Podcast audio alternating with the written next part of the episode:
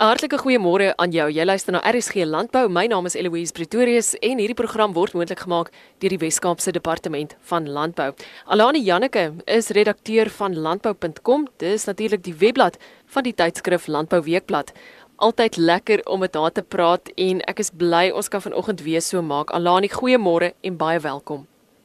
Môre Eloise en baie dankie. Dankie vir die warm woorde van welkom ook. Dis 'n riem onder die hart om gereeld sulke positiewe nuusstories wat betrekking het tot landbou in ons land te hoor en dis dan nou juist wat ons gaan doen vanmôre. Alani 2019 het al reeds gesorg vir heelwat daarvan. Wat is van die nuusitems wat jou veral opgeval het tot nou? Louise, dis altyd vir my lekker jy jy lees van ouens wat in moeilike omstandighede boer. Ons weet almal die weer was hierdie jaar weer eens 'n uh, groot uitdagende faktor veral in die somersaai gebiede en ons weet daar's baie verskillende faktore wat boerdery affekteer en ook gemoedere affekteer veral na verkiesingsjaar. Maar dit is altyd lekker om te weet dat daar's altyd iewers iemand wat uitreik na iemand anders. En ons sien ten spyte van droogte toestande sien ons nog steeds dat dat boere ander boere in ander dele waar dit erger gaan probeer bystaan met hulp van voer en van vervoer van voer daar's miljoene hierdie tipe projekte as ek dit sou kan stel en dis dis so remonder die hart dat elke liewe ou wat kan probeer om iewers iemand by te staan. Waar sien jy veral uit hierdie jaar? Ek sien veral uit na die feit dat dit landbouweekblad se 100ste verjaarsdag is en ons ons dit saam met ons lesers kan vier. Daar is 'n daar is 'n hele rits van van dinge wat gaan gebeur en ons is nog nie amptelik 100% aan die gang met alles nie, maar ons ons sien regtig uit daarna om om 'n eeufees te vier in 2019 met die met die eerste landbouweekblad wat dan nou in 1919 verskyn het. Alani, ek wil dit terugbring na die landboujoernalistiek. Dit bly fascinerend. Ons is nou nog in 'n stadium van 2019 waar baie mense begin het met 'n nuwe werk. Ook 'n stadium vir baie mense waar hulle potensieel 'n loopbaan skuif gaan maak. En dan dink ek aan al die jong Suid-Afrikaners wat 'n keuse moet uitoefen oor wat hulle eendag graag wil doen. Landboujoernalistiek is 'n wonderlike, interessante, lewendige wêreld. Wat is jou woorde aan iemand wat dalk sou wou doen wat jy doen? Moet nooit dink om oor landbou te skryf gaan vir jou vervelig wees nie.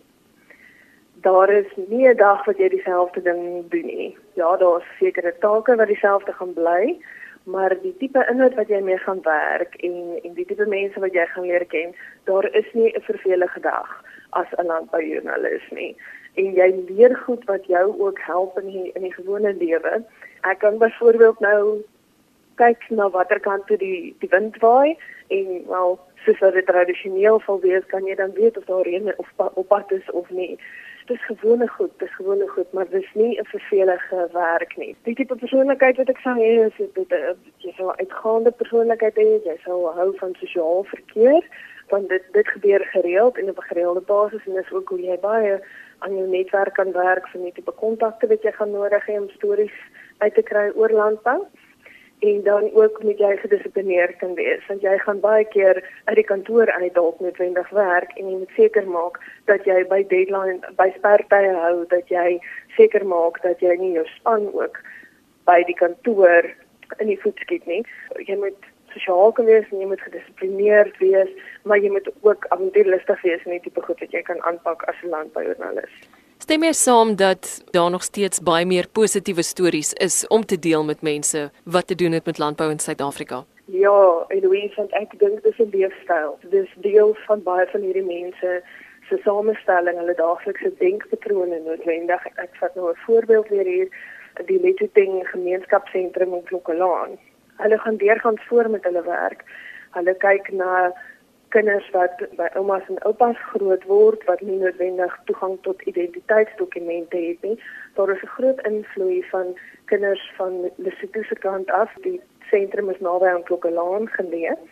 So daar's groot invloed van kinders van Lesotho se kant af en daai kinders het nie noodwendig identiteitsdokumente sodat hulle formeel skool kan bywoon in Suid-Afrika nie en en so raak hulle dan straatkinders of kinders wat bedel vir kos op straat omdat hulle grootouers nie noodwendig na hulle behoorlik na hulle kan omsien nie en en Marita Groenewald en haar span het, het besluit om 'n gemeenskapsentrum te begin waar hulle vir hierdie kinders dan skoling kan bied. Ongelukkig is dit nog nie formele skoling dat jy byvoorbeeld 'n sertifikaat ontvang nie, maar hierdie kinders leer om te lees en te skryf. Die gemeenskapslede bring ook van hulle kapasiteit in hulle kom leer kinders om prakties goed te maak. Ek vat byvoorbeeld 'n voorbeeld waar hulle vir die kinders leer om uit plastiese sakke, mieliemeelsakke, klere en sakkies en sulke tipe goed te maak. Dis regtig 'n inspirasieverhaal en ten spyte van al die ander drama wat aangaan in in 'n daaglikse lewe, bied hulle elke dag vir tussen 80 en 100 kinders bied hulle 'n daaglikse maaltyd aan en 'n vorm van skoling dan. En dis 'n leefstyl en dit is so vir baie boere en baie landelike gemeenskappe. Dit wat die mense aanbied om om mense te ondersteun is nie net come and go thing as ek dit sou kan stel nie.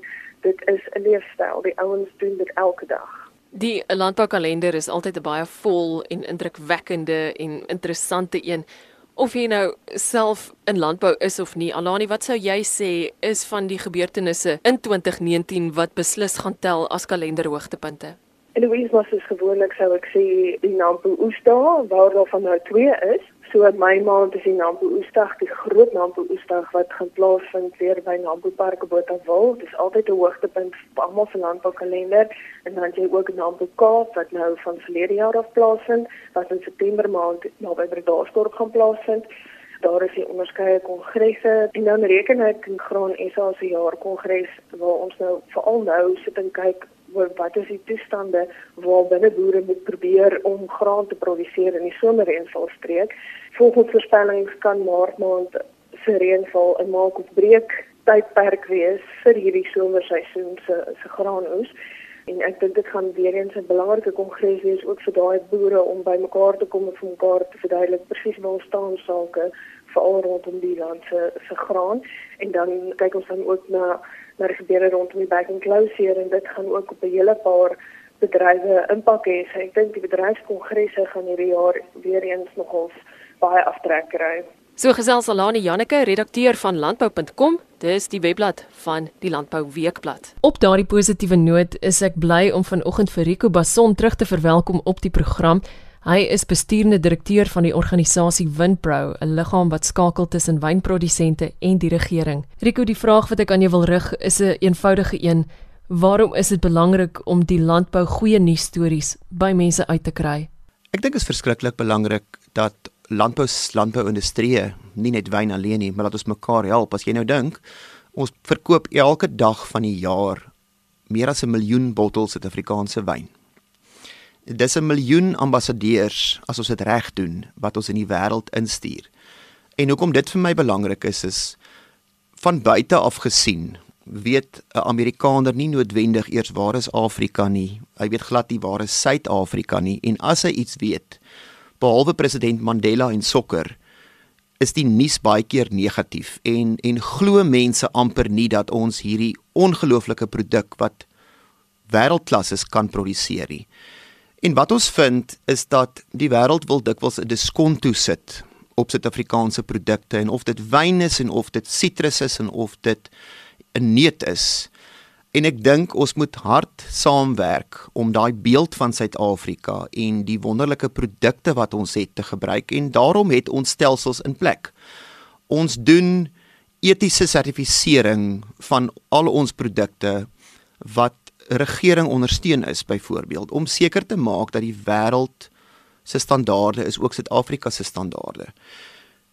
Baie produsente sal dikwels sê dit is onregverdig die aantuigings wat gemaak word teens ons produsente se arbeidspraktyke. As jy vir my vra sal ek vir jou sê in die laaste 5 jaar het die wynbedryf die meeste investering ooit gemaak in sosio-ekonomiese aspekte.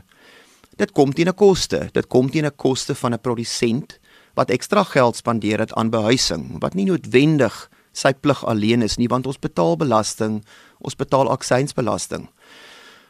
Maar die verhoudings binne in landbou en die verhoudings tussen werkgewer, werknemer, selfs vakbonde het drasties verbeter. En ek dink dis die gom wat landbou aan mekaar hou en daarom sal ek vir almal sê ek verstaan as jy kwaad is, ek verstaan as jy mm, voel dis 'n onreg. Kom ons bly gesels. Kyk na die beheerbare goed en die onbeheerbare goed en in jou area waar jy boer of in jou dorp of in jou besigheid bly binne in die gesprek. Kyk of ons vorentoe kan beweeg. Suid-Afrikaners het hierdie wonderlike manier en ek dink dit maak ons anders as ander lande. 80% van Suid-Afrikaners stem saam en sal dinge uitpraat. Dis dikwels die 10% aan die een kant of die 10% aan die ander kant wat ons 'n bietjie verwar met hulle boodskappe. Maar inherent glo ek ons kan dinge uitpraat en oor tyd het ons al dinge uitgepraat en dikwels is dit in die korttermyn baie moeilik wanneer beleid onseker is oor grondhervorming. Ek verstaan dit. Maar kom ons bly binne in die gesprek en beïnvloed dit en maak dit saam beter. Die wynbedryf kom uit 9 baie baie moeilike jare waar winsmarges onder geweldige druk was en en ons het gesien in die syfers dat 'n derde van die wynboere het die bedryf verlaat daarmee saam kan 'n mens dink aan hoeveel werksgeleenthede op plaasvlak is nie meer vandag daar nie. Ek dink ons het die draaipunt bereik. Miskien weens die droogte wat beteken het dat ons minder produk het en skielik is daar 'n tekort wat half oornag vir ons in 'n gunstiger posisie sit dat pryse kan opwaarts aangepas word. So vir die luisteraar het ek 'n bietjie slegte nuus en dit is dat die prys van wyn op die rak gaan 10 of 12% duurder wees. Maar ek moet ook vir u sê dat daai R3 of R4 'n bottel as dit terug kan vloei na die plaashek toe dan het ons 'n meer volhoubare boerdery omgewing. Ons is in staat om baie meer sosio-ekonomies vir ons werkers te doen. En daarom dink ek is die wynbedryf in 'n groeifase met geleenthede waar daar keuses is. Gaan dit makliker wees? Nee, ek dink die wêreld is maar die mekaar. Ek dink wêreldwyd het jy handelsoorloë op die stadium, maar ek dink as ons oor die bult kan kyk en ons werk saam. En en ek wil dit benadruk dat ons sal as 'n span beter saam moet speel, nie as enkelinge nie. Dan het ek baie hoop. 'n Man met baie kennis en voorwaar 'n voorreg om hom op RSG landbou te verwelkom. Rico Basson baie dankie. Dankie Eloise, dit was 'n plesier. So gesels Rico Basson, bestuurende direkteur van Winpro. Jy het geluister na RSG Landbou. Jy's welkom om na nog van ons programme te gaan luister op www.elsenburg.com en op rsg.co.za. Ek's Eloise Pretorius. Groete tot volgende keer.